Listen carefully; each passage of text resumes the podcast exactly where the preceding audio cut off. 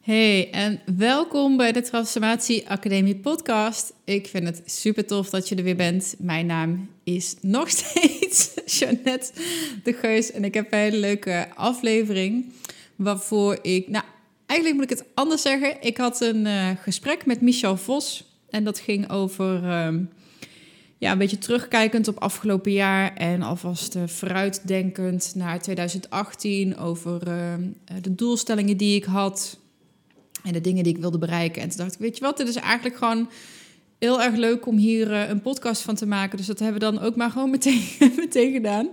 En dus we gaan het hebben over uh, doelstellingen, de, over goede voornemens.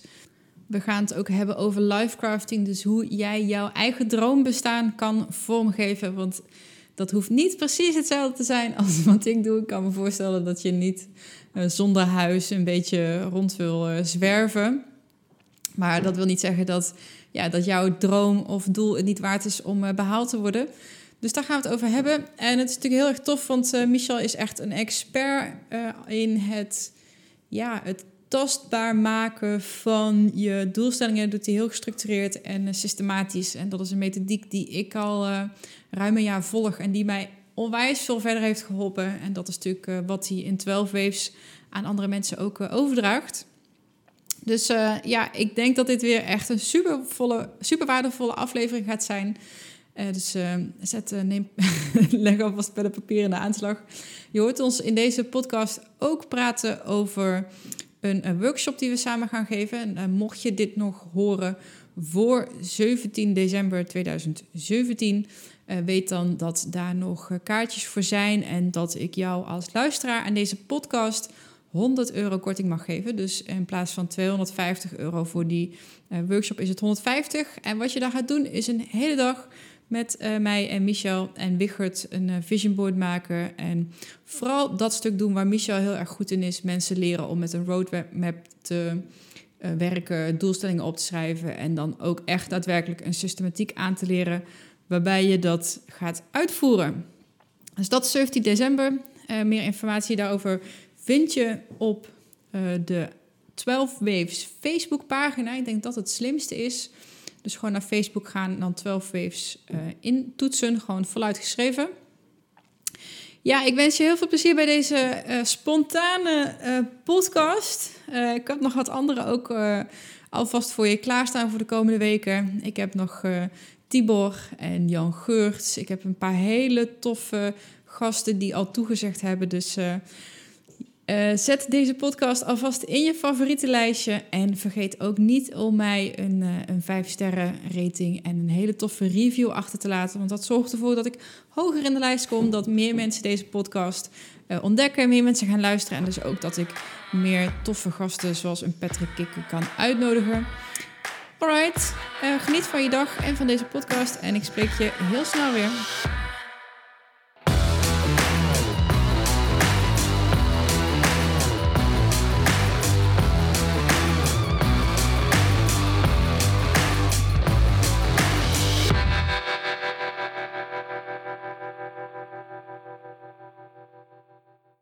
Het is weer that time of the year, the most wonderful time of the year. En dat betekent dat iedereen weer aan het nadenken is over uh, wat ze het afgelopen jaar in godsnaam allemaal gedaan hebben. Of niet. En, of niet. En uh, hoe we dat uh, volgend jaar allemaal weer anders en beter gaan doen. Met andere ja. woorden, we zijn weer allerlei dingen lekker aan het vooruitschrijven en in het goede voornemensbakje aan het stoppen, zodat we in 2018 daar iets moois mee kunnen doen. Eens? dat zijn mensen aan het doen. Uh, maar ik geloof echt niet in goede voornemens. Nee. nou, ja, ik denk dat. Uh, nou, ik vind altijd de mooiste dag uh, na het nieuwe jaar de eerste dag in de sportschool, zeg maar. Dat is altijd mm. super cool. Um, want enorm druk. En ik denk dat dat ook wel heel typerend is voor um, het fenomeen dat een paar weken later dan diezelfde mensen er misschien niet meer staan. En ik denk dat dat ook is waarom jij niet in goede voornemens gelooft, misschien?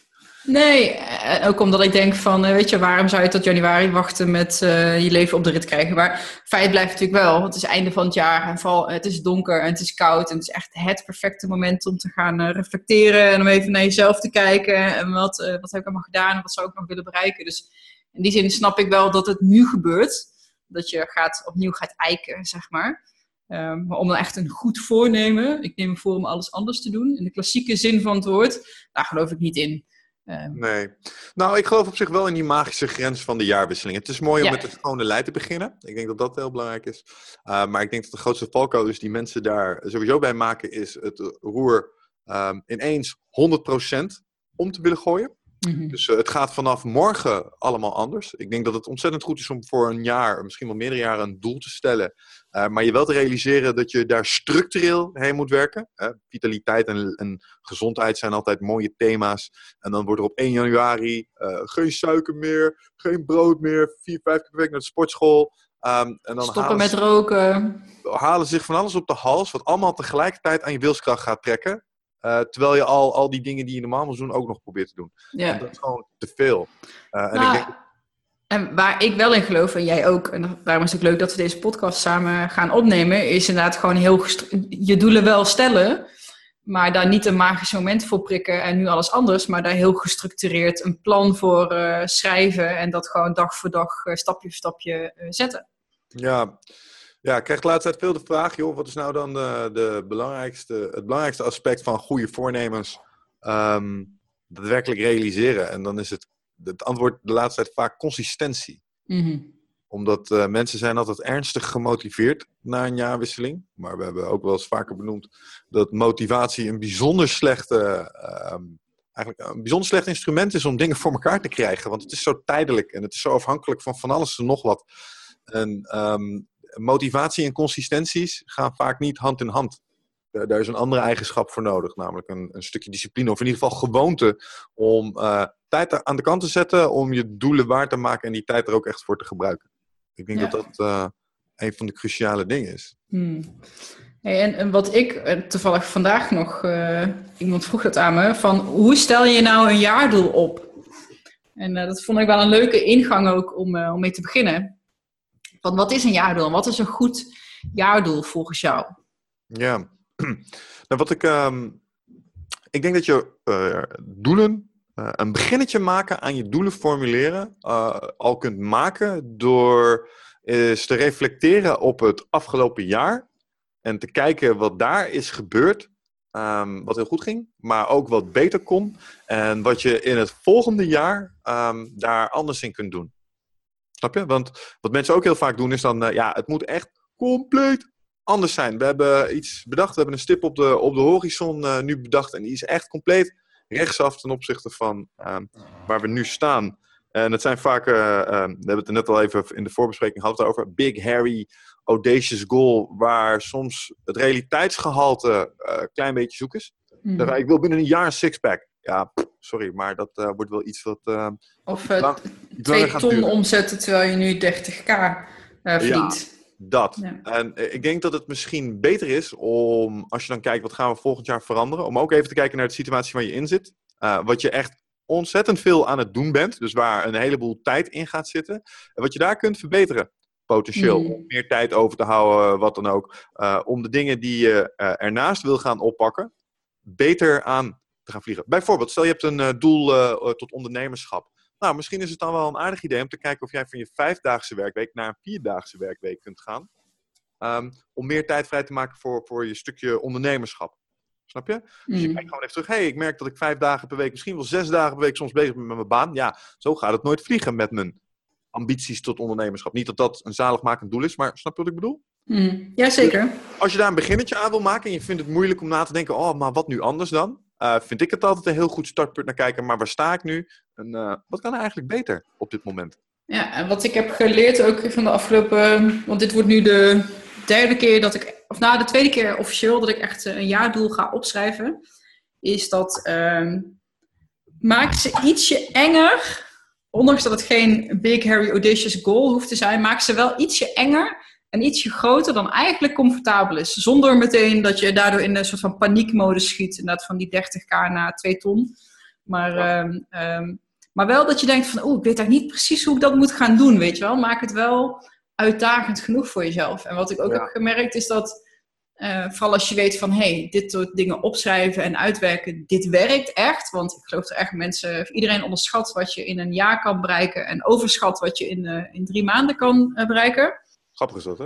ja, dat is echt, dat is ook echt zo.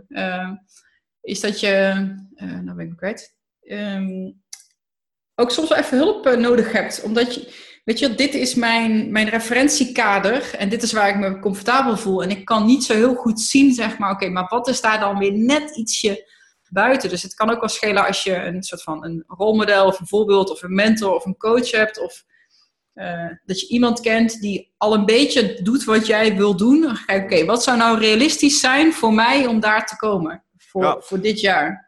Nou, ik denk ster sterker nog, ik, ik, denk dat je in uh, het inroepen van hulp al een heel belangrijk um, uh, kenmerk te pakken hebt van of je doelen uh, ambitieus genoeg zijn. Als jij doelen aan het formuleren bent en je denkt, oh, dit kan allemaal in je eentje.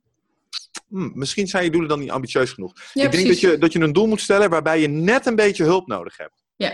Waarbij bijvoorbeeld, als het gaat om je vitaliteit, misschien iets waar je net een personal trainer bij nodig hebt. Snap je? Zo, ja. Het zou mooi zijn als ik iemand heb die me nu dit even helpt halen. Want dit is wel echt een doel. Oeh, ja, het kan wel, maar het wordt wel heel pittig in mijn eentje en ik heb je hulp benodigd. Nou, hetzelfde geldt voor je business of voor andere aspecten van je professionele leven wat je wil ontwikkelen.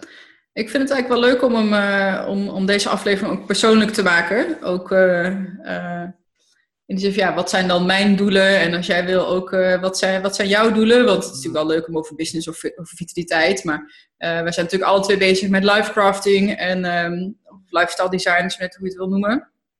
Ik heb een bepaald beeld voor ogen, een bepaalde lifestyle die ik wil. En het is, hoeft niet iedereen zijn lifestyle te zijn, want het zijn mijn keuzes. Uh, maar ik vind het wel leuk om ook toe te dichten of toe te lichten van ja, wat is dat beeld dan wat ik nastreef? Want uh, in mijn geval levert het ook wel een beetje uh, vragen op.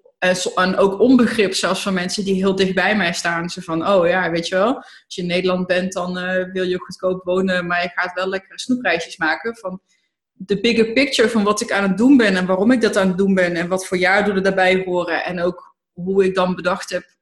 En dat weet ik nog niet helemaal precies hoe ik dat ga doen. Daar heb ik jou ook voor, onder andere. Dus dat, dat vind ik eigenlijk wel leuk. Om dat, om dat ook te gaan vertellen. Van, ja, wat zijn nou, en wat zijn ook de doelen met deze podcast, uiteraard? Uh, onderdeel van mijn eh, grote plan. Wat ik in mijn mooie boek heb eh, opgeschreven. Grote boze toverboek.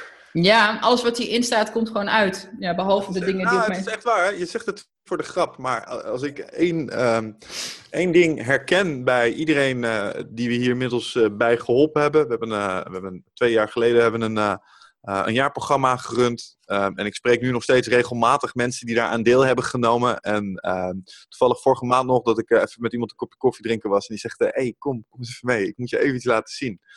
En toen liepen we naar de parkeerplaats en daar stond plots een, uh, een Tesla.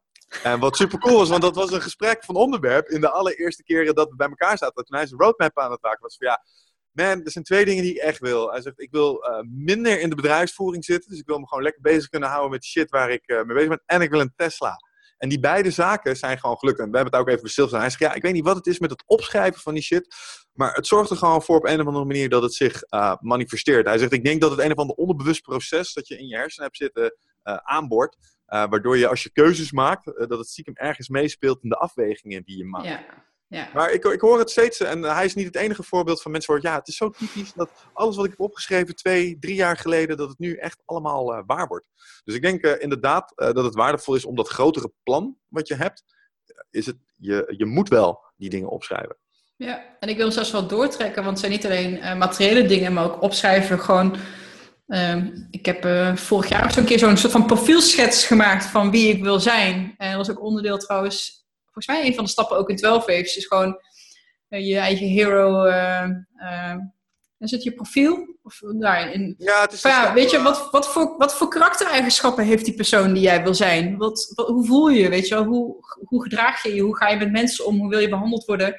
Ook daarin, zeg maar, kan je doelen stellen voor jezelf. Of als je meer liefdevoller wil zijn, of geduldiger, of Sterker nog, ik denk dat dat voor een boel mensen de belangrijkste driver is om aan de slag te gaan met een verandering in hun leven. Als ik kijk naar mijn eigen pad, um, ik was op een gegeven moment uh, niet uh, het, uh, het, type leider dat ik wilde zijn. Mijn persoonlijkheidstype was gewoon veranderd. En ik, wil ik echt een klootzak zijn? Nee, dat wil ik helemaal niet. Ik wil juist een, een, hele andere kant op. En, en, je dat realiseren en zo af en toe even kijken naar, maar wat voor persoon ben ik en wat voor waarde hang ik aan en wat kan ik doen om te veranderen? How can I evolve? Weet je wel, situaties wijzigen, ben ik nog wel um, up-to-date in de manier waarop ik tegen dingen aankijk. En je moet wel authentiek blijven en bij jezelf. Hey, maar het kan echt geen, kwaad, geen kwaad om absoluut even te, af en toe even te evalueren of hoe jij tegen de wereld aan kijkt, of dat nog wel you know, um, helemaal mee kan. En dat er niet nieuwe ontwikkelingen zijn waar je, waardoor jij weer beter kan zijn. Ik bedoel, jij bent vaak de sleutel uh, voor oplossingen. En soms moet je jezelf ook updaten. Dus ja. Um, ja, ik denk dat het voor een boel mensen een belangrijke reden is om aan de slag te gaan. Ja, ja absoluut. Dus ja. Yeah. Uh, maar vertel eens, wat, uh, wat, gaan we in, uh, wat heb je in het grote toverboek opgeschreven? nou, sterker nog, ik vind het moeilijk om een beetje keuzes te maken. Want, en dat heeft een beetje te maken met het feit dat ik veel projecten heb, een soort van eclectische interesse heb, zal ik het dan maar noemen. Um, dat is verder uitbouwen van het feit dat ik uit de red race ben gestapt. En dat ik echt mijn eigen plan trek en dat ook uh, uitdraag. En wil laten zien dat dat ook echt mogelijk is. En dat mm -hmm. je dus ook niet het. Uh, het standaard protocol hoeft te volgen waar iedereen in zit. Uh, ja, het is best wel gek om niet een eigen huis te hebben en om uh, uh, te reizen. En om, wat, weet je, het feit dat je zelfstandig ondernemer bent, dat snappen mensen wel. Dat je je eigen baas wil zijn. Omdat je ook je eigen plan trekt over en waar woon ik dan en hoe leef ik dan en, en, en, waar geef ik mijn geld aan uit. Want ik leef nog steeds minimalistisch dan bijvoorbeeld ook. Mm-hmm. om dat te laten zien. En je hoeft niet ehm, thuis op de bank met een je, je, ouders van kleinkinderen voorzien omdat ze dat zo graag willen of dat van je verwacht wordt of whatever, weet je wel? Om gewoon echt te doen wat jij wil doen en waar jij ja. blij van wordt. En uh, wat ik nu bijvoorbeeld deze maand, dat is toch een beetje denk ik de decembermaand, de reflectiemaand, is van wat, wat heb ik bij te dragen, zeg maar. Wat heb ik te vertellen, wat kan ik bieden, waar kan ik waarde leveren en ook in dienst staan voor andere mensen en dat verder uit gaan bouwen. Dus veel meer van in contact zijn met waar ik goed in ben en waar ik andere mensen ook mee, uh, mee kan helpen. Hmm. En dat is niet met uh, van 9 tot 5 voor een baas werken, daar ben ik inmiddels wel achter. ja, ja, dat snap ik. Alright. En, dus dat, uh, is, dat is het bigger picture. Gewoon dat je mag afwijken van de norm. En dat je gewoon mag kiezen waar jij blij, voor, uh, blij van wordt. En dat je ook gewoon mag zijn wie je wil. Niet wie je bent, maar ook wie je wil zijn. Of ja. Je al, ja. Ik sprak laatst een meneer in onze podcast uh, Eindbazen, Mark Siegenbeek. En um, die vertelt over quarterlife crises. En uh, hij zegt, wat, waar mensen allemaal, en het is een beetje hetzelfde bij de midlife crisis, waar mensen tegenwoordig doorheen gaan, is een soort pijn. en trauma klinkt misschien wat, wat zwaar, maar het afscheid nemen van het standaard plaatje. Ja. Er, is een, er is een soort standaard plaatje dat wij generatie op generatie meegegeven hebben gekregen. Ja. Um, en uh, tegenwoordig met de nieuwe mogelijkheden die het zijn, is het volledig niet meer noodzakelijk om daar aan vast te kleven. Uh, en een boel mensen kiezen daar ook voor. Maar tegelijkertijd voelen ze wel een soort dissonantie van, hé, hey, maar dit, dit, is niet zoals het me geleerd is. Um, en dat is soms een beetje spannend. En dat zorgt in sommige gevallen voor frictie. Zeker als je in aanraking komt met mensen die het, nou ja, het standaardplaatje nog wel, waar overigens helemaal niks is mee is, hè? Uh, nog wel. Zeker niet. Ja. Kijk, en ik denk dat, dat deze manier van leven, echt lifestyle design, bijvoorbeeld zeggen: hey, ik wil niet meer 60 uur op een kantoor zitten, ik wil er ook geen 40 uur meer zitten, ik wil gewoon alleen Of ik wil geen huisvrouw zijn. Bijvoorbeeld, um, dat is nieuw. En in dat opzicht is het net als met producten zoals smartphones en tablets. Uh, je hebt groepen consumenten. Je hebt de early adapters uh, en dan heb je de mensen die daarna komen, weet je wel. Dan heb je de mensen die pas op het laatste aan boord stappen. Um, maar ik denk dat deze manier van je leven inrichten, dat is allemaal nog best wel nieuw. Ik bedoel, ja. mensen als Nigel Marsh met een TED-talk, die hebben daar de eerste beginnetjes losgepeuterd. Um, en nu beginnen mensen dat daadwerkelijk uit te voeren. En die lopen tegen allerlei uh, ja, de randen aan. En de ruwe randjes dan soms ook. Ja. Um, en het wordt ook wel, het is ook wel lastig, hè? want ik kijk naar mezelf. Nou, ik wil dan, uh, een van de uh, grote doelen die ik heb, is dat ik eind volgend jaar uh, in twaalf verschillende landen wil hebben gewoond en gewerkt. En dan rekenend vanaf dat ik mijn huis heb verkocht. Dus eigenlijk doe ik daar anderhalf jaar over. En uh, weet je, dat is niet de toerist hangen, snoepreisjes, uh, uh, op mijn luie reet zitten. Dat is gewoon waar ik ook ben, gewoon kunnen settelen en kunnen werken en gewoon mijn ding doen. Ja. En dat is omdat ik gewoon die twee dingen wil combineren. Ja, en ik denk dat daar sommige mensen die in een eh, standaard kantoorsetting uh, zitten, misschien even het, het gedachtesprongetje wat lastig vinden te maken. Dat, kijk, als je zelfstandig ondernemer bent, ben je niet echt locatiegebonden. Ik bedoel, het werk gaat wel door. overlegjes kunnen tegenwoordig ook virtueel. En nou ja, mijn compagnon Wigert Meerman is laatst een maand op Bali geweest. Dat was ook geen snoepreisje of vakantie. Toen was het gewoon hard aan het werk. Ja, precies. En dat is een van de, van de dingen geweest die we aan het begin hebben gezegd. Zo, wij willen kunnen werken waar we willen. Ja.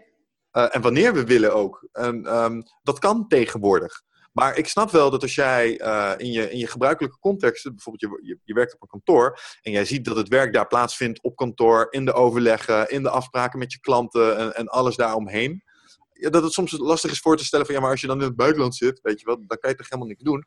Ja. als zelfstandig ondernemer, uh, er is altijd iets te doen. Sterker nog, de meeste professionals die op kantoor zitten, die vinden het op vakantie lastig om een mail niet te openen. Dus ik denk dat je je wel kan voorstellen dat er altijd wel wat te doen is en dat het ook overal wel kan. Ja. Ja, dus ja, nou, ik vind het een mooi streven. Twaalf landen en dan uh, daar werken. Welke ben je al geweest momenteel? Um, wat heb ik al uh, gehad? Slo Slovenië. Ja, Nederland zal ik dan eventjes mee, hè. Nederland, Slovenië, um, Portugal, uh, Korea. Dus ik uh, heb tot nu, sta ik dan iets over? Vier. Ik heb even mijn roadtrip, tel ik dan niet mee. Dat tel ik even onder de noemer uh, Slovenië, want daar heb ik dan het langste gezeten. Um, en wat nog op de planning staat is Californië, Peru. en ik, ik, ik mix dat een beetje, want ik heb natuurlijk ook wel weer internationale kettlebellwedstrijden. Dus ik ga weer even het het, uh, het, sportieve element, want het is dan ook op mijn uh, doelenlijstje, combineren met het uh, livecrafting onderdeel. En dat is natuurlijk gewoon te gek, want ja, weet ik van naar welk land ik heen wil. Dus ik heb al een paar. Ja. Ik heb het in mei in Hongarije naar het EK. Het WK is in Letland. Nou, daar ben ik al een keer geweest, dus hoef ik niet heel lang te blijven. Misschien dat ik dan wel ergens anders daar in de buurt kan. Ik heb nog een. Um, de UK staat er nog op. Ik heb al wat gastadresjes ook in Schotland bijvoorbeeld. Dus um, ja, ik, uh, en in de zomer denk ik gewoon weer lekker met de auto uh, de hoed op. Spanje. Ja. Lijkt je gaat uh, naar het grote Dan Peña kasteel in Schotland. Daar even een maandje. Oh, dat is eigenlijk wel een goed wel... idee. ja, ik ga hem meteen opschrijven. ja, ik vind dat iedereen een keer in zijn leven in een spookslot moet hebben gewerkt. Schotland. Oh, trouwens, ik ben, denk me net ook, een van mijn doelen uh, je, ik heb natuurlijk ook persoonlijke doelen. Hè? Ik, heb, ik heb mijn doelen een beetje onderverdeeld in... Ik heb lifecrafting doelen, business doelen, sportieve doelen, persoonlijke doelen en financiële doelen. Nou, ik denk dat dat wel even ook de moeite waard is om uh, bij stil te staan. Ik denk dat dat van de een van de grootste valkuilen is die mensen maken. Namelijk um, alleen maar um, sowieso takenlijstjes maken en, en toekomstplannen maken voor hun professionele kant. Ja. En, en dat ze onvoldoende uh, ook in dat plaatje meenemen wat ze inderdaad uh, financieel, spiritueel, relationeel ook allemaal graag willen. Um, ja. En ik zeg wel zo'n gein, maak nou eens een lijstje met wat je doet en wat je moet doen. En een lijstje met wat je bezighoudt. En merk op mm. dat dat niet dezelfde lijstjes zijn. En die twee moet je samenvoegen. En dan, ja. als je nou een synergie vindt, perfect. Maar uh, vertel, wat zijn de aanvullende doelen daar? Nou, ik bedacht ineens, een van de persoonlijke doelen ik had is dat ik mijn uh, sleeve, mijn tatoeage op mijn uh, rechterarm, uh, af wil laten maken. En die oh. dame die woont in, in Engeland. En ik heb in augustus ga ik naar Schotland, want dan is er een kettlebell summit, dus en een wedstrijd en een congres waar ik heen ga. En ik wil dan vier weken met de auto gewoon door de UK gaan rijden, want volgens mij is het in van de zomer natuurlijk zo super mooi daar. En dan staat er al mm. best wel lang op mijn, mijn... Eerst wilde ik het met de motor doen, dat is natuurlijk echt geëikt motorrijland ook. Dus ik ga dat nu lekker met de auto doen en dan rijd ik gewoon uh, van onder helemaal naar boven. Dus misschien ga ik ook wel even bij Joe langs om een tatoeage af te laten maken. Denk ik ineens. Twee vliegen in één klap. Super.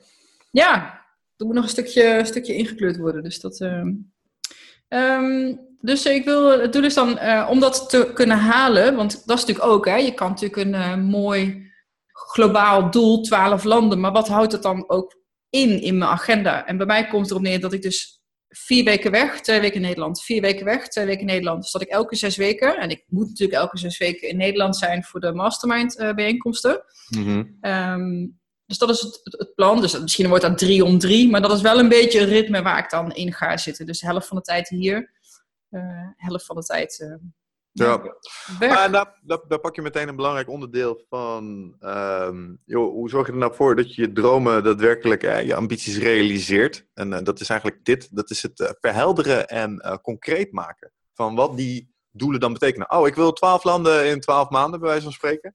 Um, welke landen dan? En wanneer in godsnaam? En wat gaat dat kosten dan? Uh, want op het moment dat je die dingen allemaal op een rijtje gaat zetten, dan uh, ontstaan er als, als bijna vanzelf, worden de eerste acties worden duidelijk. Want waar moet ik dan beginnen om dit te doen? Nou, ik moet eerst maar eens even de data op een rijtje gaan zetten. Oké, check. Nou, dan moet ik afspraken gaan maken met mensen. Oh, ik zie hier, dit is het budget wat ik nodig heb. Hoeveel heb ik nu? Hoeveel moet erbij? Hm, ik moet een paar uren of een paar trainingen gaan verkopen. Snap je? Dus op die manier um, vloeien de eerste acties er eigenlijk eh, bijna als vanzelf uit.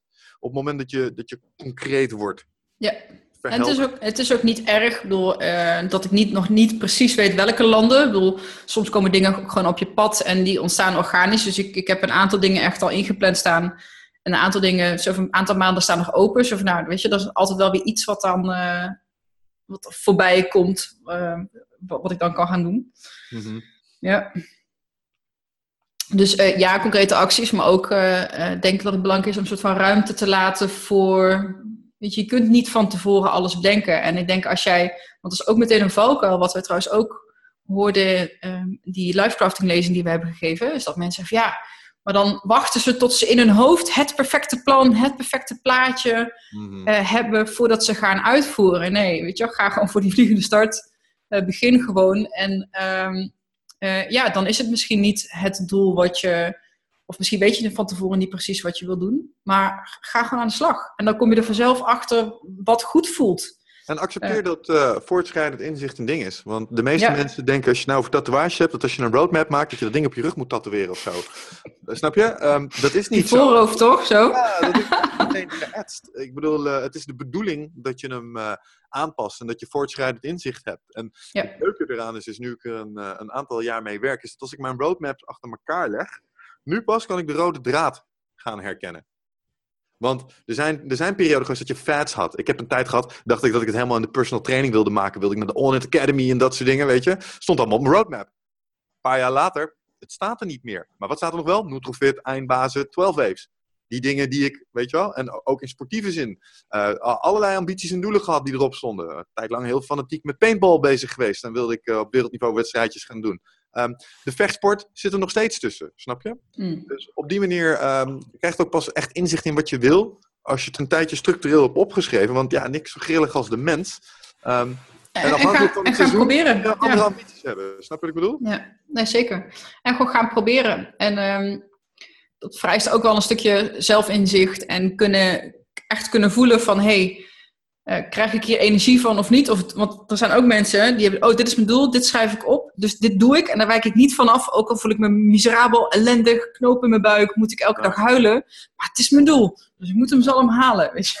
dat is natuurlijk ook alweer een andere uiterste. Nou, en ik denk dat een boel mensen er niet eens, um, wat je zegt, goed, je moet uh, goed uh, jezelf kunnen aanvoelen. Ik denk dat de meeste mensen al kunnen volstaan met gewoon eens de tijd ervoor nemen. Gewoon eens even zitten zo, eens per week en eens per maand. En gewoon, wat ze dan in uh, softwareontwikkelingsland uh, een retrospective noemen. Als je dan een stukje software hebt gebouwd, ben je een paar weken druk geweest. En aan het eind van die paar weken ga je gewoon met z'n allen even zitten en zeg je: Oké, wat is er goed gegaan? Wat is er slecht gegaan? Wat kan er beter de volgende keer? En dat neem je mee in je volgende cyclus. En als je dat elke keer doet, dan ga je uiteindelijk naar een soort uh, bijna perfect um, systeem met z'n allen. En, en, dat kan jij ook doen als persoon. Je kan gewoon eens per week even kijken, hé, hey, wat ging er deze week nou eigenlijk goed? Ik heb hier mijn doelen opgeschreven zo. Ik heb bedacht dat ik dit allemaal dit jaar wil doen. Hmm. Um, is er deze week überhaupt tijd aan besteed? Nou, ja of nee? Uh, nee, waarom niet? Oh, dat. En weet je, als je niet die momenten neemt om daar eens even over na te denken, um, dan ga je ook niet de doorslaggevende aanpassingen vinden in je werkproces om het wel voor elkaar te krijgen. Snap je? Want dat is het probleem met doelen vaak. Hè? Mensen voelen dat spanningsveld. Ik heb opgeschreven, ik wil iets anders. Maar ik heb ook nog die waan van de alle dag. En er zijn ook nog allerlei andere dingen die ik moet doen. Of die, die man die niet mee op reis wil. Of uh, die vrouw die andere plannen heeft. Of uh, Correct. die baas die daar heel anders over denkt. Ja, ja. dus uh, ik denk dat even stilstaan bij wat je nou echt voelt, vindt en beter vindt kunnen gaan. eens in de zoveel tijd. En op basis daarvan je plannen aanpassen. Een verdomd goed idee is. Want mensen vergeten wel eens dat, um, dat falen ook Um, dat falen, sowieso falen vinden ze moeilijk, maar falen is ook informatie. Falen is, fa falen, ja, is noodzakelijk en, en, zelfs. Ja, maar, eh, zeg maar voor je gevoel falen. Hè. Mijn verhaal is altijd, uh, ik wilde graag uh, directeur worden bij een softwarehuis. En toen ik bijna directeur mocht zijn, toen ik de stoel kon aanraken, zei ik, ja, dag, dit is eigenlijk helemaal niks voor mij. En op het moment dat je dat in je hand moet opsteken en zegt, ik ga dit niet doen, voelt dat als falen. Hmm. En dat heeft best wel even wat, vooral toen ik in die leeftijdscategorie zat, vond ik dat moeilijk. Maar nu achteraf denk ik, ja, maar hé, luister vriend, als je pad niet was opgegaan, had je het niet geweten. Ehm, dus je moest tot daar komen. En nu weet je heel goed wat je niet wil. en je bent de andere kant op gegaan. En hé, hey, daar lag jouw particular pot of gold. Want ik, zit, ik ben nu iets aan het doen waar ik echt super, super blij mee ben. Ja. Ehm, en dat was ik niet gaan doen als ik niet eerst dat pad opgehobbeld was. Dus soms heeft het een het ander nodig. En ik denk dat uh, mensen zichzelf dat proces moeten gunnen. En dat doen ze een beetje te weinig. Omdat, ja, uh, luister, uh, failure op Facebook zetten of op Instagram, dat staat niet zo goed. Snap je? En ehm, nou, dat, ehm, ik denk dat dat meespeelt in waarom mensen soms zo vastklampen aan een doel. Terwijl het perfect, perfect oké is om, om, zoals ik zei, voortschrijding en inzicht te hebben. En zeggen, nou, weet je wat, we gaan gewoon wat anders doen, want dit is het niet. Wat is, uh, wat is jouw, uh, heb jij nog een, uh, een, een, groot doel voor 2018 of niet? Mm, jijn, in de zin van, ik heb ook een retro gedaan de afgelopen periode. ik noemde dat even voor de, voor de grap, de, wat wil ik nog meer analyse? Want ik, heb, ik werk al een tijdje met roadmaps en, en, een aantal van de grote aspecten die ik had opgeschreven ooit voor mezelf. Passief inkomen genereren, wat jij noemt uit de red race stappen. ik noem dat geen aanwezigheidsverplichting meer hebben. Um, me daarvan ontdoen en gewoon uh, nou, eigenlijk mijn tijd kunnen invullen zoals ik uh, uh, dat leuk vind. Um, dat is eigenlijk wel, wel redelijk gelukt. Um, en ik heb nu een jaar eigenlijk zonder structuur geleefd. in de zin van, ik hoefde niet op een kantoor te zijn als we daar echt geen zin in hadden. Ja, we deden wat podcastopnames links en rechts. En ik had wat masterclasses die ik gaf. Maar voor de verdere rest kon ik gewoon mijn tijd invullen zoals ik wou. En dat was precies wat ik eigenlijk voor ogen had. Dus Um, ja, ik heb nog wel wat doelen, maar ik merk dat die eigenlijk alleen maar uh, verbeteringen zijn en uh, verbredingen van wat ik uh, nu aan het doen ben. En ik merk met name dat het, um, bijvoorbeeld met onze podcast, ik wil mijn helden graag ontmoeten. Ik zou het heel mooi vinden als ik volgend jaar een paar van de mensen in het echt weet spreken, of in een manier zoals wij nu met elkaar praten, die ik dagelijks hier in mijn woonkamer voorbij wil komen en die mijn denken beïnvloeden. Uh, denk aan een Jocko Willink, denk aan een Jordan Peterson, denk aan een Sam Harris, denk aan een Joe Rogan. Uh, als ik die mensen ergens in de komende twee, drie jaar uh, echt in wat personal time een keer weet te spreken, ja, dan, dan ben ik bezig met, met mijn doelen behalen in dat opzicht. en um, nog wel grappig, professionele doelstelling die ik heb, is ik heb wat interimwerk gedaan voorheen. Vond ik altijd heel erg leuk. Alleen ik merkte dat als ik uh, bij projecten zat, dat ik soms toch nog wel een klein beetje op mijn tong moest bijten. Uh, uit angst voor de voortzetting van je klus. Dus als je ergens binnenkomt als interimmer en je, je werkt uurtje voor uurtje, um, dan ben je stiekem toch ook nog wel een klein beetje bezig met, hey, als mijn opdrachtgever maar blij met mij is. En in sommige interimklussen uh, moet je ook tegen die schenen aan durven schoppen. En wat ik altijd heb gezegd is, het lijkt me zo ongelooflijk lekker om een keer een interimklus te doen ergens, waarbij je eigenlijk maar het interesseert je niet of de klus doorgaat of niet. Uh, en dat je echt gewoon voluit eigenlijk direct uh, de vinger op de zere plekken kunt gaan leggen. En uh, ja, de, de, tent echt veranderen. En als daar nou ja, soms misschien een paar eieren bij moeten worden gebroken, dan, dan is dat niet anders. Ja, is het de, de zero fucks mindset eigenlijk? Gewoon, ja, eigenlijk wel. Echt doen wat nodig is, ongeacht wat andere mensen daarvan doen vinden, laten. Ja. Dat je echt met 100% het resultaat in je hoofd uh, daarvoor kan gaan staan. Um, omdat ik vind dat ik mijn vorige klussen, en eh, die opdrachten die gingen wel goed door, maar heb ik daar toch wel gefilterd gehandeld. Uh, terwijl de interne Michel eigenlijk zoiets had van, eigenlijk moet jij hier helemaal niet zitten, vriend, weet je wel. En hmm. dat durfde ik dan op zo'n moment bijvoorbeeld niet te zeggen. En het lijkt me heerlijk om eens een keer zo'n klus aan te kunnen vliegen. Inderdaad, met wat je zegt, een zero, uh, zero fucks given mindset van, ja, nou luister, dan gooi me er maar uit. Uh, het maakt mij niet zo uit, ik eet er geen boterham minder op. Ik kwam hier om een verandering te brengen. Uh, en dat je hem dan ook echt weet te bewerkstelligen. En dat lijkt me ongelooflijk gaaf om te doen. Heb jij ook nog, want je zei natuurlijk al, van doelen kunnen ook persoonlijk en spiritueel zijn. En jij hebt natuurlijk ook niet afgelopen jaar, maar het jaar daarvoor volgens mij. Hè? Wanneer heb jij bijvoorbeeld jouw ayahuasca gedaan? Inmiddels over twee jaar geleden. Dat is alweer twee jaar geleden. Ben je daar ook nog zo van nou, doelen of inzichten? Want jij, bent, jij leest of nou, luistert, denk ik, veel over non-duale onderwerpen en uh, bewustzijn en awareness in de kosmos. En zijn er daar nog dingen die je wil, uh, ja, die, die je nog triggeren of zo? Mm, ja, spiritueel merk ik. Um is een goede vraag. Uh, een thema waar ik de laatste tijd weer veel mee bezig ben is um, de dood.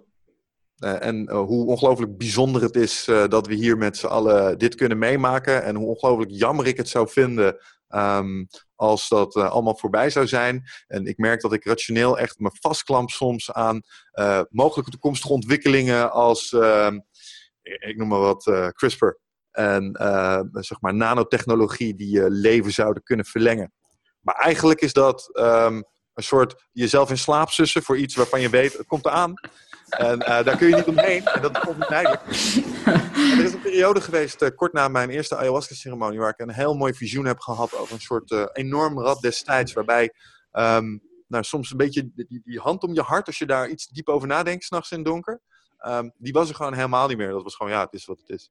Mm. En ik denk dat ik daar weer terug naar die staat, eh, dat lijkt me wel heel erg lekker. Een stukje berusting in uh, nou, het onvermijdelijke, zeg maar. En ik denk dat uh, dat wel een thema is waar ik in 2018 weer wat stappen in wil maken. Ja. ja, wel mooi. Ik had ehm, vorige week Tibor in de podcast.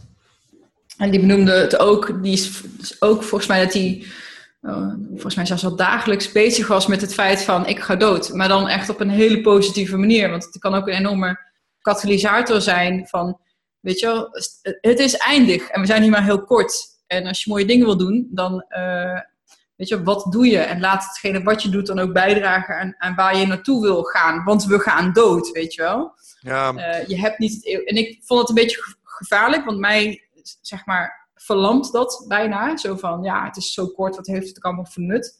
Maar aan de andere kant kan het andere mensen ook wel weer juist stimuleren, zeg maar, om niet te gaan landtefanteren. Ja, nou, ik denk dat dat hem is. Ik denk dat dat echt de insteek is. Want wat het voor mij altijd doet is, en, en dat is ook, um, je zei al, ik ben breed geïnteresseerd. En onder andere in dingen als astronomie. En als je uh, echt je daar een klein beetje in gaat verdiepen. En je kijkt naar hoe, hoeveel tijd er al vergaan is. En hoe klein een mensenleven is. Um, en, je, en je laat dat even inzinken. En je realiseert je dan hoe klein de kans was dat jij dit nu even kunt meemaken in deze moleculaire samenstelling. En wat er heeft moeten gebeuren uh, ik bedoel, Bill Bryson begint zijn boek A Short History of Nearly Everything met een hele mooie passage waarin hij omschrijft hoe jij, om dit boek te kunnen lezen, wat er allemaal heeft ja, ja, ja. aan je voorouders die het hebben overleefd, die niet zijn opgegeten, niet verpletterd door stenen, niet doodgegaan zijn als ziekte, allemaal een seksuele partner hebben kunnen vinden, uh, om nu heel even in jou, zeg maar, in dit kortstondige stukje bewustzijn, dit boek te kunnen lezen. Ja. En als je dat realiseert en je weet dan ook nog eens dat je uh, als je kijkt naar de wereld en de verdeling van welvaart en kansen, dat je echt bij de 1% hoort. Ja. Dan durf ik te beweren dat dat potje minuutjes wat jij hebt gekregen heel erg waardevol is. En ik denk dat, um, tuurlijk mag je best wel eens lekker niks doen en lekker genieten en lekker lantefanten. Maar je moet je wel realiseren, het is een eindig potje minuutjes. En elk minuutje dat je weggooit, um, bijvoorbeeld door mensen te haten of door te twijfelen alleen maar of te leven in angst, dat is echt ongelooflijk zonde. Ik denk dat dat, uh, wat je daarvoor moet doen, is gewoon inderdaad dat uitzoomen. Is dat, uh, ja, je moet in het, menu, in, in het nu zijn, zeg maar, in het hier en nu. Uh, maar ook uit kunnen zoomen en de bigger picture kunnen zien. Um, ja. Ja, zeker. Nou ja, een beetje, uh, kijk, um, als je echt gaat denken van ja, elke minuut die je uitgeeft is één verloren, dan, dan is er geen ruimte meer voor dingen als, soms voel je gewoon even down. En dat is oké. Maar dat, als je dus uitzoekt naar de bigger picture, is dat gewoon oké. want dat, ook dat brengt je iets, zeg maar. Ook dat is informatie. Exact. En uh, als je naar de aard van het universum kijkt, dan, uh, dan is het yin-yang. Uh, dan is het leven-sterven. Weet je, het is altijd in dat opzicht een, een dynamiek. Is een soort dans. En ik denk dat dat ook zo geldt voor jouw bewustzijn hier in dit gekke leven even. Um, maar ik denk wel dat, je, dat het goed is om je te realiseren dat er een soort eindstreep is um, voor je. Uh, en dat, dat als je In ieder geval voor, deze, voor deze zak, vleeszak. Laat het dan maar zo zeggen. Want ik heb een ja. boel mensen gesproken die ja. allemaal beeld op hebben. En die, denken, die geloven allemaal in de cyclische aard ja. van, van, uh, van het leven en doodgaan. Ja, dus, kijk, ik spreek ook met uh, neurowetenschappers die zeggen... Hierna is het gewoon klaar, vriend. Weet je, het is, ja. het is over. um, dus ik hink daar nog even een beetje twee gedachten. Ik hoop dat die eerste groep gelijk heeft. Maar ik ben bang dat die laatste het bij het juiste eind zal hebben. Um, ja, maar als je de mensen vraagt die voor de eindstreep staan, dus die nu aan een hartbeademingsapparaat liggen, en je vraagt ze, wat, waar heb je het meeste spijt van? Hmm. Dan, dan was het van alle dingen die ze niet hadden gedaan. En dan hebben ze het eigenlijk bijzonder weinig over alles wat fout is gegaan in hun leven. Ja, en ik denk dat dat echt heel krachtig is om je dat te realiseren. En dat is ehm, wel grappig als ik dan naar mezelf kijk, waarom het voor mij niet nodig is om zo te denken. Want ik heb niet heel veel moeite met enge stappen nemen. Sterker nog, ik maak ze continu. Maar als je van jezelf weet van, hé, hey, ik heb dat wel of ik vind dat lastig of moeilijk om echt voor mezelf te kiezen, om echt te doen wat ik tof vind. Het besef van ja, weet je, een jaar is zo voorbij. Een jaar is gewoon hmm. niks, weet je En zo is ook tien jaar ineens voorbij. En dan lig je op je sterfbed en dan had ik maar die reis gemaakt, had ik maar dat bedrijf gestart, was ik maar op die vrouw afgestapt. Ik heb het nu zelfs al. Ik heb het nu zelfs al.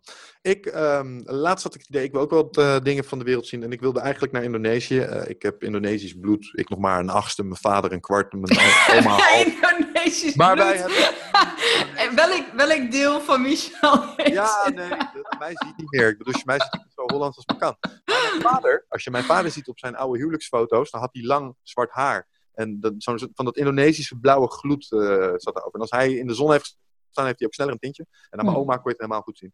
Ehm, maar ik wilde naar Indonesië met mijn vader om de familie daar nog eens een keer op te zoeken. En mijn vader is inmiddels op een leeftijd dat hij zei van ja, maar Mies, dat, dat gaat mij niet meer lukken daar in dat klimaat. Dat ik dacht van, fucking hell man, ik heb mijn kans gemist om naar Indonesië te gaan uh, met mijn pa. Um, en nou heb ik nog een heel leven voor me, bij wijze van spreken. Maar nu al zelfs begin je soms dingen dat je denkt, hé, hey, had ik dat maar eerder gedaan. Ja. Niet dat we dit niet gaan overleven of zo. Ik bedoel, we gaan wel naar een ander leuk land met z'n tweeën als het echt moet ben ook eens met mijn vader naar Las Vegas geweest. Hartstikke leuk. Maar, eh, snap je? Uh, Dus ja, uh, zorg ervoor dat je niet de kansen mist uh, die soms voor het oprapen liggen, maar er maar tijdelijk zijn. Ja. En dat is trouwens, want ehm, een van mijn doelen ook voor volgend jaar, als het gaat over spirituele ontwikkeling, is om een dieta te gaan doen. Een soort van mini-variant van wat Wigert in Brazilië heeft gedaan, maar dan in Peru. Dus, huh? Are you insane? Hoezo? Ja, te gek. Wat het allemaal inhoudt. Uh, ik, uh, mijn, uh, ja, ik weet niet. Wigget die zit al de hele tijd. Ga een keer mee naar de jungle? Nou, ik weet het niet, vriend. Ik weet niet wat echt... Nou, ik, ik ga naar Peru, naar de Valley of the Incas. Dus het is een iets andere omgeving dan echt de Braziliaanse diepe oerwoud waar Wigget in is geweest. Oké. Okay. Maar desalniettemin wordt het gewoon een dieet, zeg maar, zoals uh, Wigget hem heeft gedaan. Iets korter dan wel. en ehm, gecombineerd ook met meerdere ayahuasca uh, ceremonies. Dus ehm, ja, die staat op de planning voor maart. Uh, ga ik naar Peru. Leuk. En um, Gino heeft gevraagd of ik daar een soort van documentaire-achtige vlog van wil maken ook. en in het hele traject, dus van de voorbereiding in Nederland tot uh, daar en, en daarna. Dus dat, dat wordt, wordt een van de toffe projecten voor volgend jaar. Hmm. En, en ook, zal ik, zal ik ze gewoon even zeggen, de, de, want we gaan lekker all over the place. Wat een beetje de, de doelen zijn voor volgend jaar. Nou, de, de 12 landen hebben we gehad. Ehm, ik wil volgend jaar ook graag een eigen plekje in Nederland.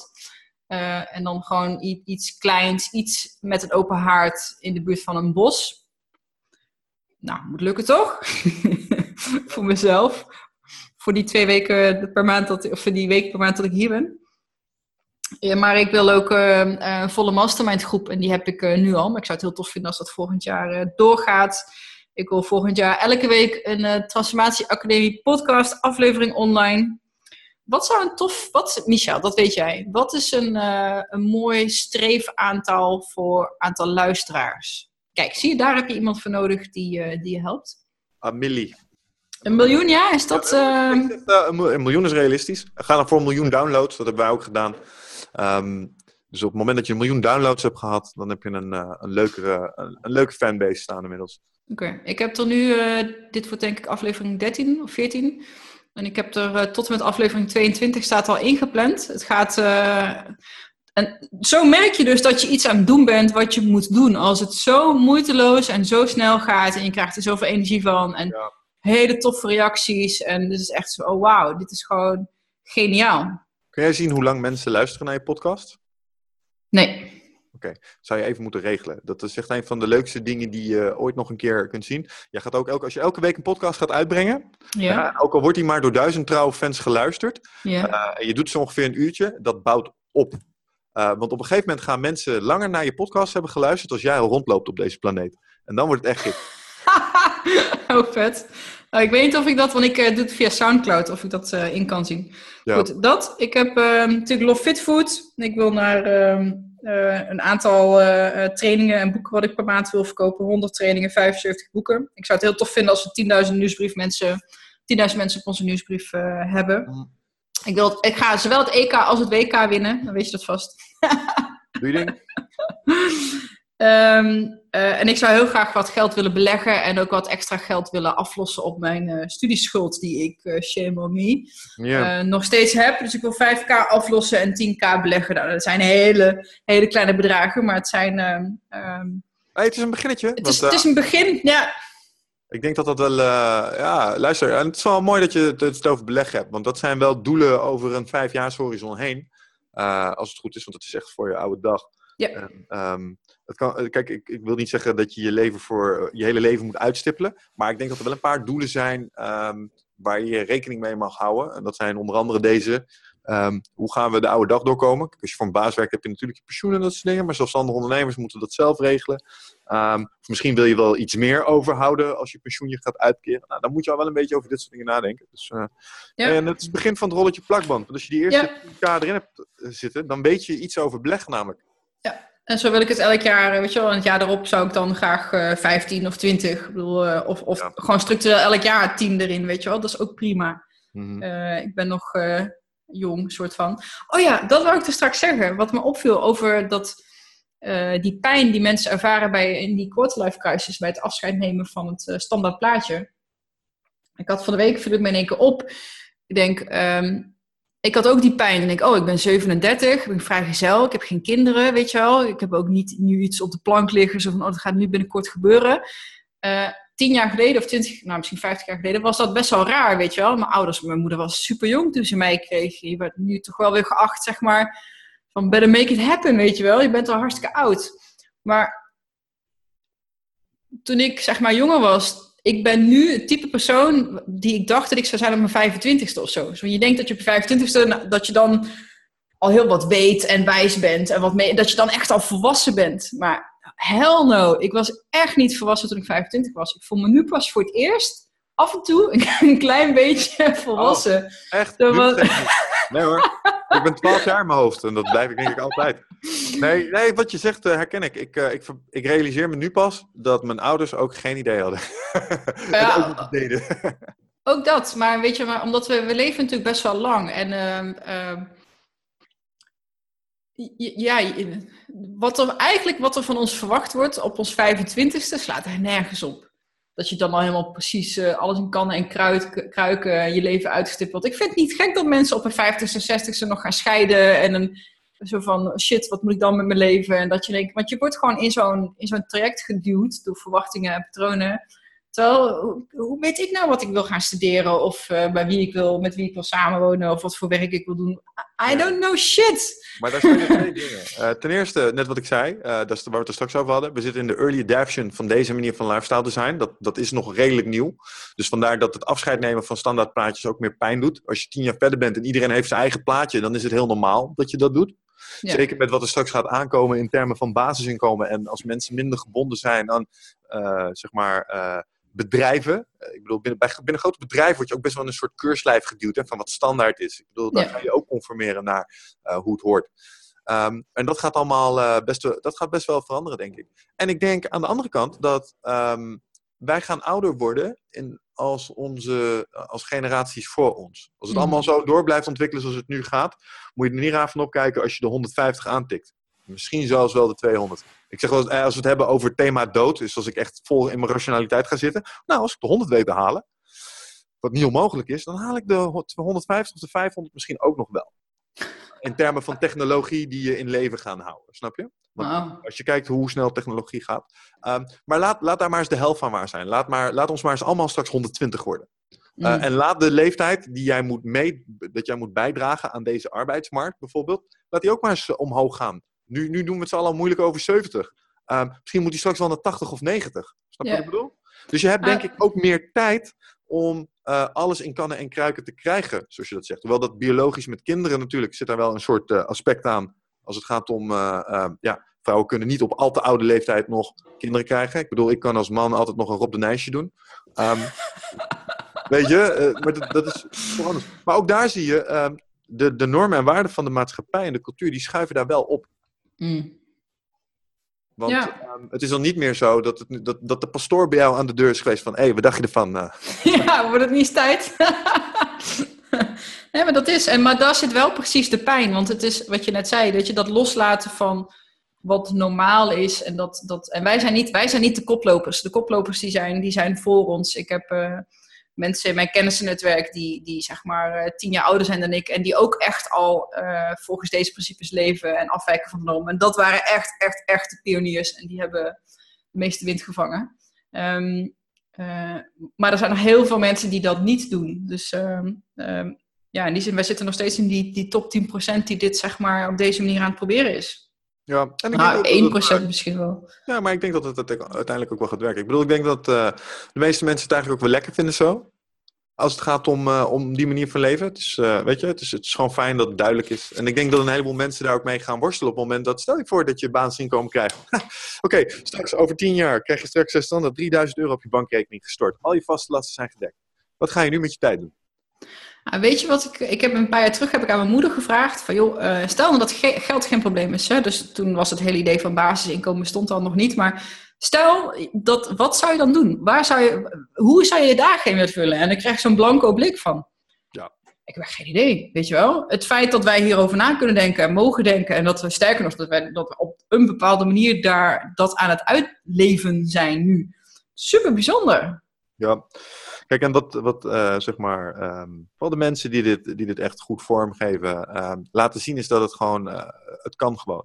Ja. Weet je, het, het, het hoeft, uh, je, je mag tegenwoordig en je kunt tegenwoordig best makkelijk afwijken van het standaardplaatje. Nou, en um, ik denk dat we daar met z'n allen gewoon nog eventjes aan moeten wennen zo af en toe. Inclusief de mensen die het aan het doen zijn. En ik denk dat dat heel oké okay is. Ik bedoel, wij kijken natuurlijk ook naar onze ouders en uh, we zien, hé, hey, dit is wel net even, net even anders dan dat we gewend waren. Ja. Nou ja, het is, uh, als je dan naar mezelf kijkt, ik, ik, besef het me ook niet altijd, maar af en toe dan krijg ik een, een, een Facebook berichtje of een mailtje van een totaal onbekende persoon die me dan zegt van, joh, weet je wel, uh, je bent een voorbeeld en je inspireert me om ook dit te gaan doen. Zo van, je bent echt een, eh, een, een koploper daarin. Dat ik echt denk, maar ik doe, gewoon mijn ding, weet je wel. Ik ben niet bezig met, oh, ik wil iets uh, nieuws doen. Nee, ik doe gewoon wat ik denk dat goed is en wat, waar ik me prettig bij voel. En dat dat toevallig niet hetzelfde is als wat 90% van de mensen doet, ja. Ja, en het e-, eerste wat ik dan altijd denk, want, is, maar dat kan jij ook. Ja, ja uh, zeker. Ja. En, uh, alles uh, op de rit en zo. Kun jij ook. Iedereen ja, kan het. echt niet, want ja, nee, jij ook gewoon. Weet je, het is gewoon uitvoeren van, van een set aan acties. En het is bepalen waar je heen wil. En, en, jij kan dat ook. Wij zijn niet op een of andere manier mutanten of zo. Alhoewel, als je dit huisje hebt over non-dualisme... Ik heb, ik heb wel van die, ik heb wel van die vliesjes om mijn vingers. Wat betekent dat dan? Mutant, denk ik toch? Oh, zo, ja. Nee, maar als je het vraagt aan de boys als, als Paul Smit en Patrick Kikker, die zeggen dan, uh, ja, weet je, hoeveel je het voor het kiezen hebt, dat, dat kun je even in het midden laten. Maar laten we er eens even vanuit gaan dat je uh, binnen je biologie wel een aantal uh, opties hebt om vrij te kiezen. Dan, dan, geloof ik dat iedereen die dit beluistert, ik denk, ja, het spreekt mij eigenlijk ook wel aan. Er zijn acties die jij kunt ondernemen om je hier te brengen. En als laten, je... we, laten we het daar eens over hebben, want ik heb mijn, mijn doelen benoemd. En um, um, we hebben al besproken van hoe je zeg maar van iets abstracts, hoe je dat een beetje concreet kan maken. Maar is er een tool die, die iemand gewoon dagelijks kan gebruiken om, om hier stappen op te maken en te blijven maken? Ja, ik denk het wel. Um, kijk, we zeiden het net al, hè, je hebt uh, dromen, die zijn vaak een beetje fuzzy, die moet je gaan verhelderen. En we hebben het ook al even gehad over de kracht van dingen opschrijven. Um, en als je nou... even laten zien voor de mensen die luisteren. Staan ja. ze hoor, mijn ja, ja, ja. Kijk, en, wat je daar ziet is uh, een, een, set aan gewenste uitkomsten. En we noemen dat dan uh, met een, uh, we noemen dat dan een masterlist. Dat zijn eigenlijk alle dingen die jij in je hoofd hebt zitten waar je iets mee wil. En dat is dus niet alleen prof professioneel. Als daar een vitaliteitsvraagstuk tussen zit of een relationeel ding tussen zit, moet je ook gewoon opschrijven. want het maakt niet uit wat het is wat je wilt veranderen in deze realiteit. Jij moet energie en tijd uitgeven om dat voor elkaar te krijgen. En um, het maakt niet uit. Als je zelfverzekerder wil worden bijvoorbeeld. Ja, ik wil graag meer zelfvertrouwen. Nou, dat kunnen we vertalen naar eerste acties. Wij kunnen iets verzinnen wat ervoor gaat zorgen dat jij een patroon op gaat zetten in je leven. Bijvoorbeeld regelmatig, uh, regelmatig naar een uh, uitdagende vechtsport gaan. Of als je echt dapper bent, uh, theatersport gaan doen. regelmatig je comfortzone uit. Dat gaat jou meer zelfvertrouwen geven. Snap je? Dus je kunt acties verzinnen die je uit kunt voeren. Nou, en ik denk dat dat het proces is, het systeem is, wat je mensen kunt aanleren om, om het daadwerkelijk te regelen. Het structureel kijken naar die gewenste uitkomsten, ze opschrijven en dan elke dag bedenken: oké, wat zijn de eerste acties, fysieke handelingen die iemand of ik moet uitvoeren om hier voortgang op te boeken? wat je eigenlijk doet, is het doel, uh, heb ik ook geleerd, gemerkt, het doel zelf loslaten. Kijk, ehm, het gaat niet, ik ga het doel niet halen door naar het doel te staren. Ik ga het doel halen door te focussen op het proces. Yes. Uh, en dus dat is dat uh, de monk who sold his Ferrari. Volgens mij is dat in dat boek. Uh, als jij twee ogen op je doel hebt, doe je er veel langer over dan dat je zeg maar, naar de grond kijkt waar je loopt. Want dan zie je tenminste waar je loopt en dan kan je tenminste meters maken. Check. En dan kom je bijvoorbeeld op een systematiek als Getting Things Done. En die, ja. zegt, die zegt eigenlijk exact hetzelfde. Die zegt, joh, je kunt voortgang boeken een beetje vergelijken met een vlucht nemen naar een ver eiland. Onze droombestemming. Hè? We willen naar Hawaii. En um, de meeste mensen die kijken naar Hawaii, maar die snappen niet dat hun, hun runway, een run level, waar het vliegtuig overheen moet, ligt vol met zooi. Er liggen allemaal dingen op. Uh, en dat is je dagelijkse werk en je projecten en al die shit die je aan je hoofd hebt. En die belemmeren jou om daar te komen. Hij zegt, als je daar grip op krijgt, op runway level, dat is waar voortgang woont. En alles wat je dus in je hoofd hebt zitten, moet je grijpen. Moet je zorgen dat het uit je hoofd is en moet je of weggooien vervolgens of actie op uitzetten. En hetzelfde geldt voor je langetermijndoelen. Die moet je gewoon afbellen naar eerste acties. Dus als ik nu naar daar wil komen, dus ik wil naar Hawaii. Wat is dan de eerste actie? Nou, de eerste actie is deze startbaan eens even opruimen. Wat is de volgende actie? Vliegtuig aanzetten. Wat is de actie daarna? Nou, et cetera. En dan ga je je hele checklist af. Dus op die manier is het heel verstandig om je doelen dus inderdaad uh, terug te brengen naar wat er daadwerkelijk moet gebeuren. En dan kun je gaan nadenken in bijvoorbeeld uh, termen als uh, minimal effective dose. ik bedoel, een, boel mensen verzuipen in perfectionisme. En een van de belangrijkste dingen die ik je kan leren als het gaat om je doelen halen, is better done than perfect. Dus als jij een actie uitvoert die iets oplevert, bijvoorbeeld een Word-document waarin iets omschreven staat wat een nieuw product moet worden, of weet ik veel, iets voor een overleg of wat dan ook. Um, heel veel mensen zijn echt ontzettend veel tijd kwijt om dat ding helemaal op 100% te krijgen. Terwijl uh, de voortgang al zou worden geboekt als je maar met een 80% versie zou werken. En die 80% versie maken kost je vaak pas maar 20% van de tijd die je normaal gesproken nodig hebt. Dus als je 100% van de tijd nodig hebt voor 100% van het verhaal, kun je in 20% van de tijd al 80% van je resultaat behalen. En wij werken doorgaans vooral met die eerste 80%. Soms iets meer, soms iets minder. Um, waarom? Omdat we erachter komen dat uh, als je zoiets helemaal tot 100% brengt, dat het altijd verspilde tijd is omdat er altijd nog iets verandert. Je hebt altijd voortschrijdend inzicht. Uh, mensen weten pas wat ze willen als ze het zien. Dus als ik jou dat document oplever. Um, en ik heb echt heel veel tijd ingestoken om het helemaal tip-top te maken. Krijg je er alsnog feedback op. Soms nog meer als dat je werkte met je 80% versie. Nog wel een leuke anekdote. Want ik denk wat je, wat je daaraan moet koppelen is een soort van accountability. Uh, een van de leden van mijn mastermind groep, Peter, die zit al een jaar in de groep. Uh, Peter van Project Leven. Shout-out naar de Project Leven podcast. Uh, die bracht al een jaar lang uh, in, ja, ik zou een boek willen schrijven.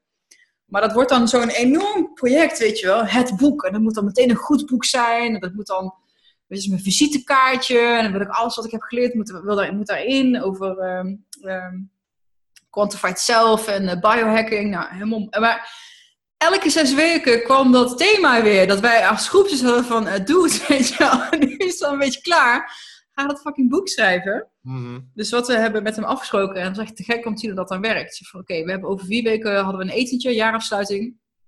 Over vier weken ligt er gewoon een shitty first draft van dat boek.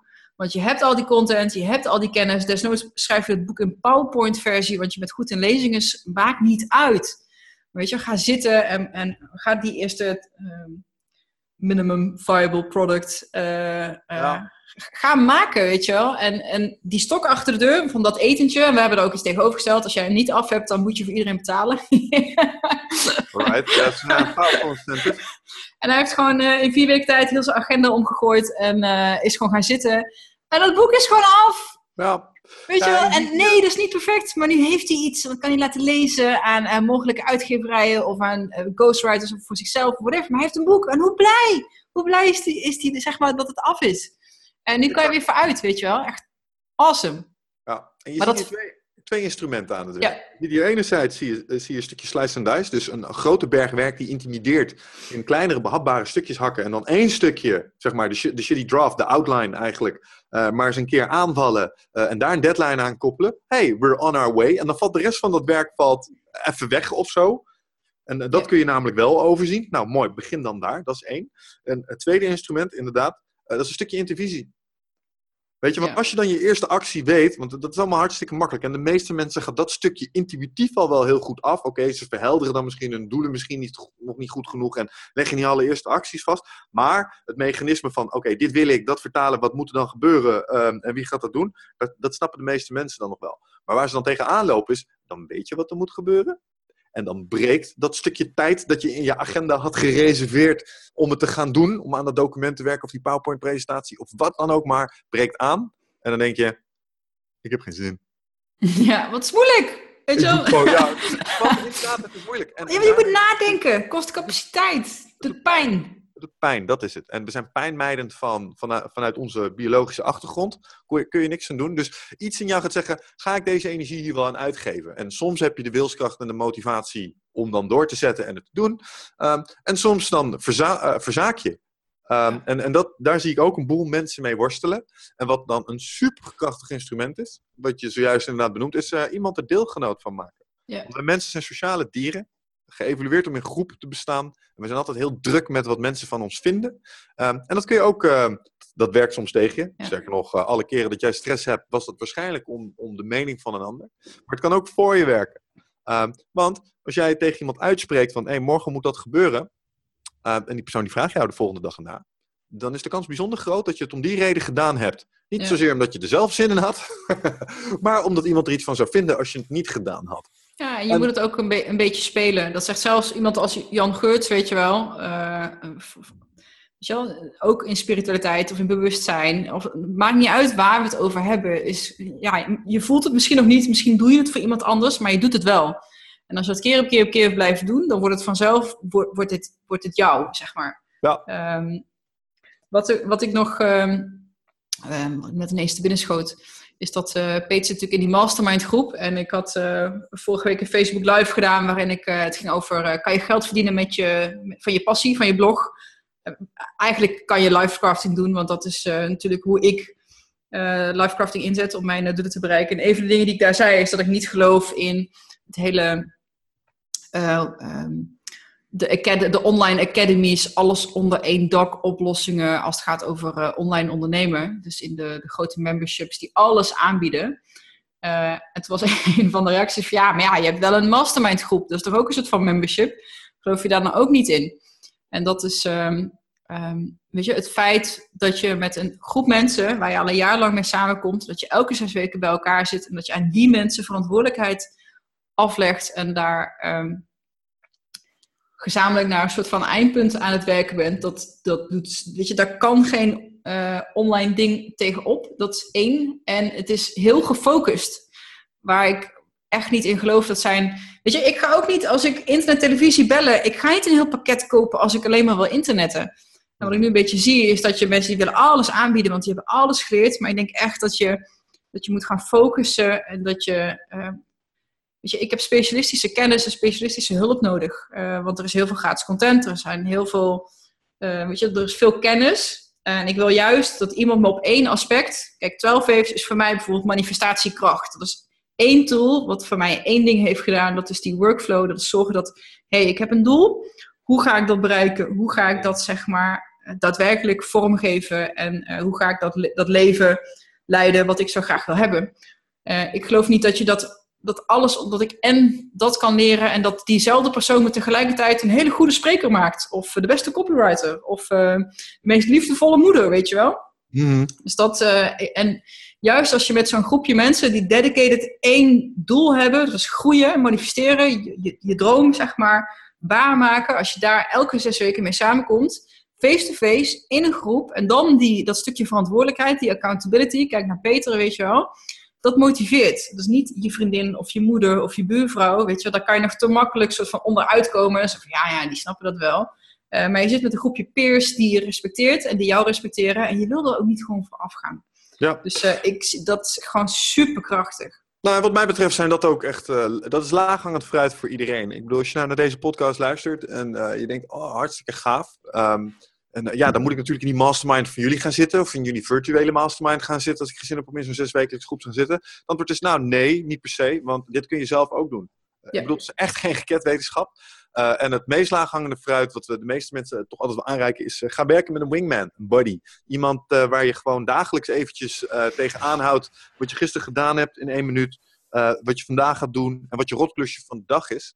Um, en deel eventueel eens een keer in een iets uitgebreidere sessie je roadmap en je masterlist met zo'n persoon. Het zou ook mooi zijn als die persoon ook op die manier werkt. Maar dan ben je al onderweg, hè? En dan, uh, dan heb je al iets van een, uh, van een systeem. Want de meeste mensen die denken dat als ze uh, ook weer zo'n ding, ja, ik moet dan gestructureerd gaan werken. Dat wordt dan weer zo'n hele operatie voor ze. Um, nee man, met een paar hele kleine dingetjes kun je echt al ongelooflijk veel effect hebben. En ik geloof echt dat de intervisie stap, het, het daadwerkelijk uitspreken tegen iemand anders die inderdaad een heel belangrijk component respecteert, um, ja. dat dat uh, een psychologisch effect met zich meebrengt wat je tot actie laat overgaan. Lijkt me ook een mooi moment om even te benoemen dat, want deze podcast gaat nog uitkomen uh, voor 17 december, als het goed is. Ja, dat zijn maar jou. ja, dat heb ik allemaal zelf van. Nou, dat is niet helemaal raar, want ik, iemand anders doet het editen, want dat, uh, dat kan ik niet. Um, maar voor 17 december, want we hebben, er zijn best wel wat dingen die we nu besproken hebben. We hebben het niet echt over een vision board gehad. Alhoewel dat een beetje de stap voor het opschrijven van een jaardoel is. Dus gewoon überhaupt het, het grotere doel, beeld waar je naartoe wilt. Ja. Um, maar weet je, er zijn best wel wat, er zijn wat termen gevallen. Weet je, een masterlist, slice and dice, um, um, daily stand-ups hoe doe je dat dan? Want voor jou en mij is dat heel logisch. Maar ik weet ook nog, de eerste toen ik die training in Telface deed, volgens mij heb ik jou ook nog gemaild of iemand anders van ja, maar hoe doe ik dat dan? Weet je wel? Je wil het gewoon even een keertje afkijken. Oh, ziet dat er zo uit? Heb je het zo gestructureerd? Gewoon iemand die heel eventjes meekijkt, je aan de hand neemt. hey, dit is mijn masterlist. Zo kies ik elke dag mijn hitlist. Zo, en dat kan op papier of digitaal, weet je wel. Er zijn natuurlijk best wel wat middeltjes voor. Maar gewoon het kan even een te complex systeem lijken om, om een soort van uh, aan te leren. En dat, uh, dus we hebben een workshop, 17 december.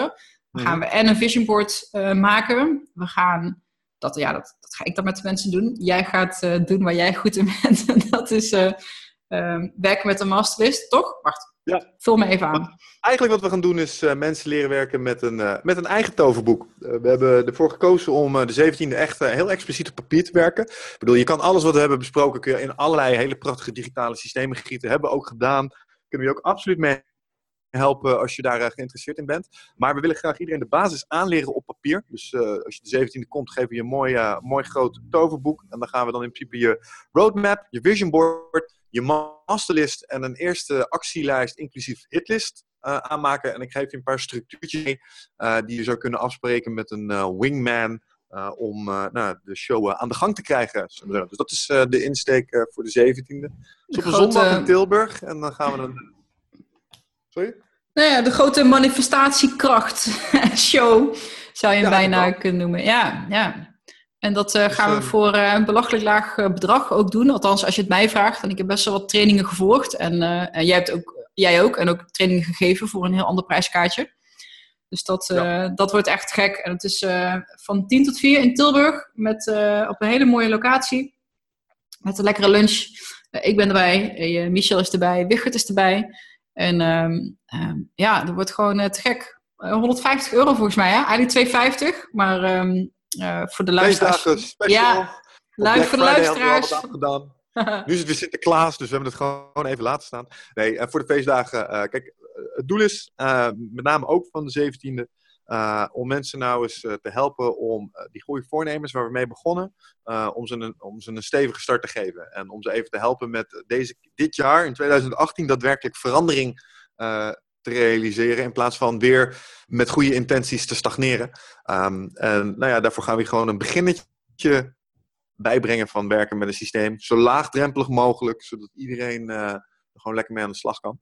En uh, ja, ik hoop daar, uh, ik hoop daar een paar luisteraars van, van deze podcast terug te zien. Ja, en van eindbazen as wel. Want ik weet dat jij dit ook onder jullie publiek gaat verspreiden. Dus dan hebben we een leuke mix, denk ik. Mensen die willen transformeren en mensen die een eindbaas uh, willen worden. Dus die mensen die willen transformeren in een eindbaas. Ja, dat triggert me trouwens nog even. Um, heb je naar aanleiding van wat je hier allemaal hebt gehoord, denk je, oh wauw, eh, best wel interessant. Ook dat, uh, dat 12 waves, dat klinkt wel goed. Uh, je kan het natuurlijk, uh, online kun je het kopen op 12waves.com. Maar misschien beter om mee te starten is eindbazen aflevering nummer 42. Want um, Dicht en ik geloven ook heel erg, en ik denk Jeanette ook wel, uh, in de wet der wederkerigheid. Dus we hebben er wel voor besloten om het gedachtegoed dat 12 waves is, het protocol van 42 stappen, eigenlijk gratis weg te geven. Omdat we vinden dat iedereen um, dit zou moeten kunnen. Common sense zou common practice moeten zijn. Want dat is het ook echt. Het is echt gezond boerenverstand.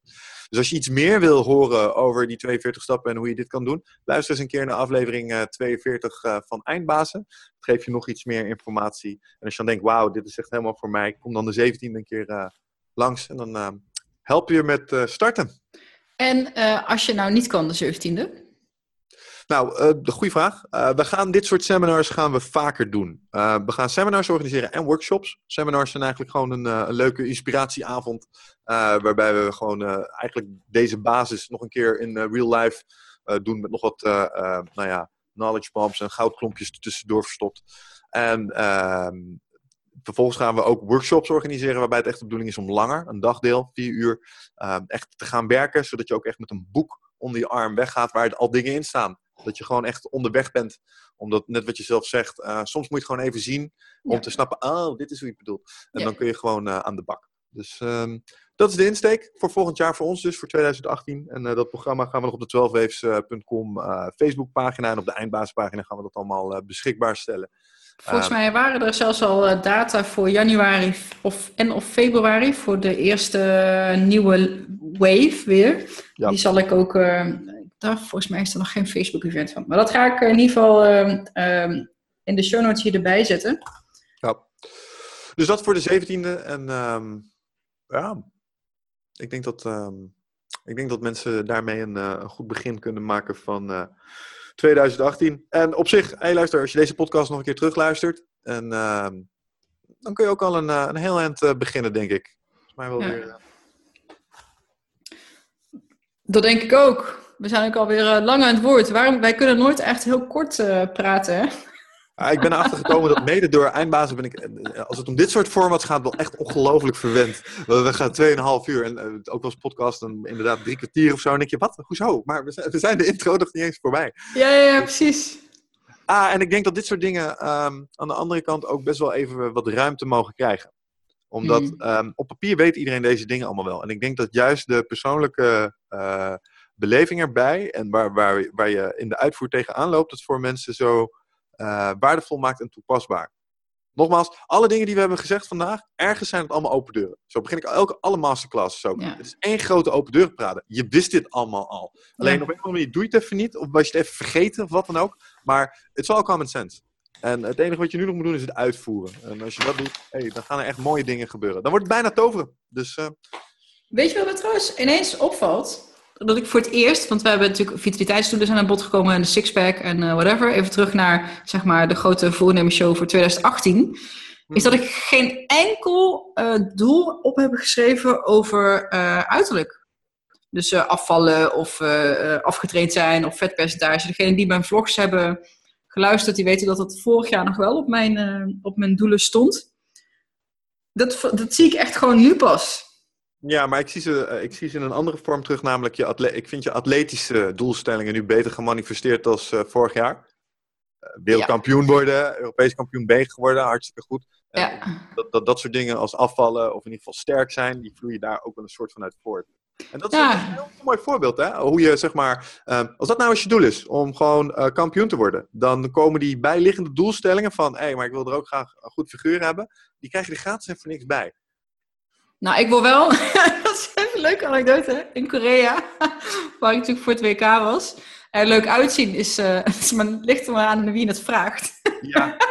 ik zat in de, ik had mijn, uh, in de, in het, waar ik logeerde, zeg maar, een soort van hostel achter een guesthouse. Um, mijn onderarmen worden niet heel veel kleiner. Met oh, al dat ge... Ja. Zo van, Oeh, ik had onderarmen als een vent. En Ja, je hebt vonden die, die, Ja, die, Kore- die Koreanen die waren daar best wel van. Die hadden zoiets van, oh. Dit is een sterke mevrouw. dus um, ja, careful what you wish for. Inderdaad. Goed, dat was even. Dat was echt zo grappig. Die man, die, zijn ogen vielen echt bijna uit zijn. Uh, echt zo, oh, wow, Jesus. Hm. You look like a man. Nou, sorry hoor. Subtiel. ja, mijn forearms dan, hè? Alright. Oké, nou, anyways. I think that's it. Dat denk ik ook. Oké, perfect. Nou, dan uh, zou ik iedereen graag uh, willen bedanken voor het luisteren. En dan uh, hoop ik jullie de 17e te zien. Dat was het. Dankjewel voor het luisteren, voor je aandacht. En uh, ja, geniet nog van wat je op dit moment aan het doen bent en wat de dag jou wellicht mag gaan brengen. Vergeet ook niet om even een kijkje te nemen dus op uh, 12-waves.com als je meer info wilt. En op de, uh, mijn Facebookpagina of de Facebookpagina van 12 Waves over dus die implementatieworkshop op 17 december. Uh, ciao, tot volgende keer.